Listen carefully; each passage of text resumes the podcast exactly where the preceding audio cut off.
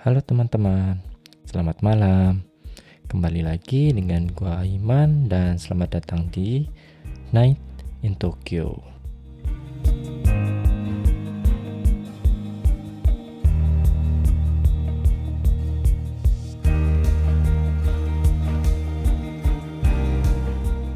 Halo teman-teman, kembali lagi dengan gua Iman di berita dari Jepang. Gimana teman-teman? Minggu ini Semoga kalian tetap sehat, tetap baik-baik aja, dan tetap lancar semuanya, rezeki dan studinya. Untuk memulai di episode berita dari Jepang ini, sebelumnya gue sendiri pengen merevisi dari berita dari Jepang kemarin, yang sebelumnya yang tentang Tamagotchi itu. Jadi waktu itu kan gue bilang kalau untuk mendapatkan Tamagotchi Smart itu harus undian sampai yang kita daftar sampai tanggal Juli tanggal 2 kemarin itu teman-teman. Nah, rupanya yang diundikan itu bukan Tamagotchi Smart yang reguler. Jadi, yang diundikan itu yang limit edition yang dikhususkan dibuat buat merayakan 25 anniversary-nya Tamagotchi itu. Jadi, yang diundikan itu yang limit edition untuk 25 anniversary. Ya itu gitu lah. Dan warnanya cuma putih. Dan untuk Tamagotchi Smartnya sendiri teman-teman yang reguler yang bukan limit edition itu mulai bakal dijual secara uh, apa dijual ke pasar maksudnya itu nanti bulan November tahun ini teman-teman. Untuk informasi sementara sih memang masih pasar Jepang teman-teman. Gue juga nggak tahu apakah bakal dijual di luar Jepang. Gue belum dapat informasinya tapi sementara itu masih bakal dijual untuk pasar Jepang.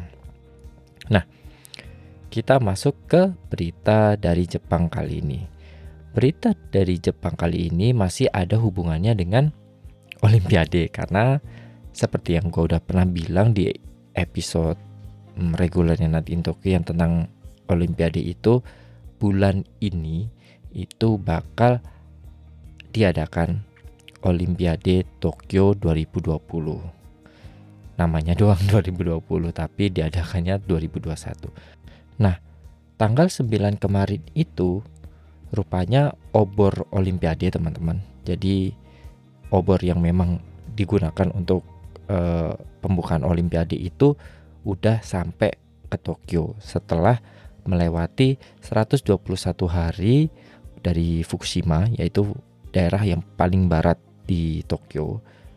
Nah, itu tanggal 9 kemarin udah sampai di Tokyo yang nantinya bakal dipakai di pembukaan Olimpiade di tanggal 23 Juli nanti, teman-teman.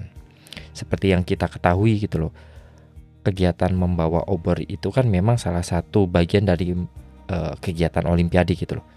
Sebagai simbol akan dimulainya acara olimpiade karena ya setelah olimpiade selesai itu obor itu nantinya bakal dipindahkan ke kota yang akan menyelenggarakan olimpiade selanjutnya.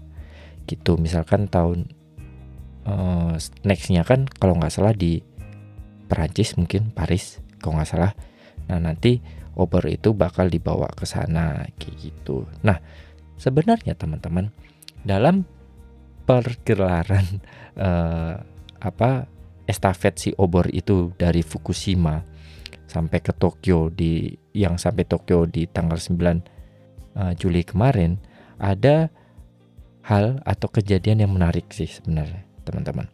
Jadi ketika uh, estafet obor itu kemarin di tanggal 9 itu di Tokyo itu waktu melewati salah satu taman gitu yang ada di Tokyo itu ada se seorang wanita. Jadi dia keluar dari barisan penonton gitu maksudnya. Keluar dari barisan penonton. Sepertinya eh, nenek-nenek uh, yang berusia udah 77 tahun menurut informasinya tiba-tiba keluar dari yaitu keluar dari kerumunan penonton terus sambil membawa pistol air.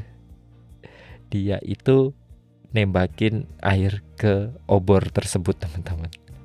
Jadi bukan bu, vandalnya bukan bukan kekerasan gitu tapi secara simbolik gitu dia bawa pistol air terus nembakin uh, obornya itu gitu supaya ya meskipun kita tahu nggak bakal mati gitu kan obornya tapi itu adalah sebuah simbol protesnya dia. Dan dia waktu nembak itu bilang kayak mm, no Olympic stop the game gitu. The games gitu. Yang pastinya dengan bahasa Jepang ya bukan bukan bahasa Inggris. Nah uh, dari polisinya sendiri teman-teman udah dikonfir dikonfirmasikan memang dia sengaja melakukan itu. Ya seperti yang gue bilang tadi gitu. Itu adalah simbol protesnya dia. Ketika uh, kita masih dalam pandemi pemerintah Jepang itu masih memaksakan untuk uh, apa sih menyelenggarakan Olimpiade teman-teman. Ya memang susah juga gitu loh. Seperti ya kalau kalian uh, pengen tahu sebenarnya lebih dalam kenapa sih pemerintah Jepang itu tetap maksa menyelenggarakan Olimpiade hitung-hitungannya gimana apa alasannya kalian bisa cari sih sebenarnya di episode regulernya Night in Tokyo sebelumnya. Gue lupa episode berapa tapi yang ada yang baru-baru ini mungkin dua epi, dua atau tiga episode sebelumnya gitu nah di situ kalian bisa uh, tahu atau bisa dengerin menurut gua atau opini gua kenapa si pemerintah Jepang itu tetap memaksakan mengadakan Olimpiade di tahun ini. Meskipun nih, meskipun udah mulai ada varian yang lain kayak varian D dan segala macam dan gua sendiri pun dan beberapa sebagian uh, warga Jepang itu sebenarnya juga belum divaksin. Jadi ya ya banyaklah kontroversi dan pro kontranya tuh kayak gitu. Dan gua sendiri juga nggak tahu udah berapa konting kontingen di dunia ini yang datang ke Jepang, yang udah nyampe ke Jepang maksudnya. Karena yang dipastikan bisa dipastikan Olimpik itu bak uh, seluruh atlet itu bakal divaksin kayak gitu. Uh, dan atlet Indonesia sendiri juga gue nggak tahu apakah udah mendarat atau udah datang di Tokyo. Yang jelas pembukaannya itu nanti tanggal 23 Juli teman-teman. Dan udah dipastikan nggak bakal ada penonton langsung. Jadi siap-siap uh, kalian streaming uh, pembukaan dan beberapa games lainnya gitu. Misalkan kalau Indonesia udah pasti kalian pengen nonton badminton bukan nonton badminton dan uh, apalagi ya bola mungkin kayak gitu teman-teman. Ya menurut informasi sih yang mendapatkan lisensi buat e, menayangkan Olimpiade Tokyo ini kalau yang dari Indonesia itu adalah SCTV Group. Jadi SCTV dan kawan-kawan gitu. Gue juga nggak tahu detailnya itu kayak gimana.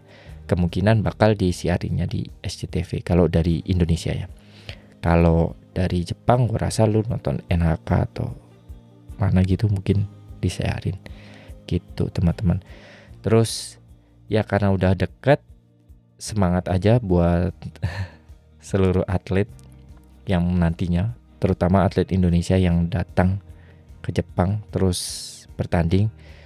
Terus semangat juga buat teman-teman khususnya yang teman-teman dari Indonesia yang memang nanti waktu Olimpiade itu bakal menjadi volunteer teman-teman. Karena yang perlu kalian tahu banyak teman-teman kita uh, orang Indonesia yang jadi volunteer di uh, Olimpiade nanti gitu teman-teman.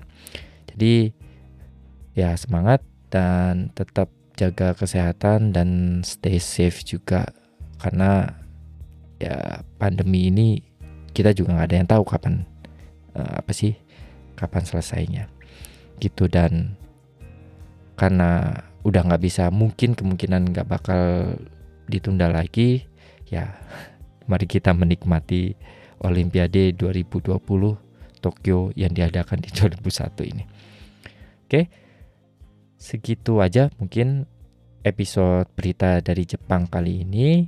Uh, terima kasih yang udah tetap setia mendengarkan Night in Tokyo. Terus buat teman-teman yang sekiranya belum uh, follow Instagram Night in Tokyo bisa di follow di night.in.tokyo. Kalian bisa search di situ di Instagram. Karena di Instagram itu gua bakal uh, share atau berbagi informasi lah istilahnya yang berkaitan dengan podcast ini. Misalkan next episode-nya apa terus misalkan gue lagi mau wawancarain siapa gitu biasanya gue update di Instagram Night in Tokyo. Kalau enggak kalian juga bisa cek juga website Night in Tokyo di www.nightintokyo.com di sana ada blog yang gue tulis ada foto-foto juga gue jalan-jalan di Tokyo dan lain-lain. Terus kalian juga bisa dengerin langsung podcast Night in Tokyo ini di web www.nightintokyo.com dan semuanya gratis teman-teman. Mulai dari episode awal sampai episode terakhir yang udah gue buat. Oke sekian dulu buat episode berita dari Jepang kali ini. Uh, selamat malam Selamat beristirahat dan selamat menjalani aktivitasnya kembali besok di hari Senin. Sampai jumpa lagi di episode berita dari Jepang selanjutnya. Bye bye.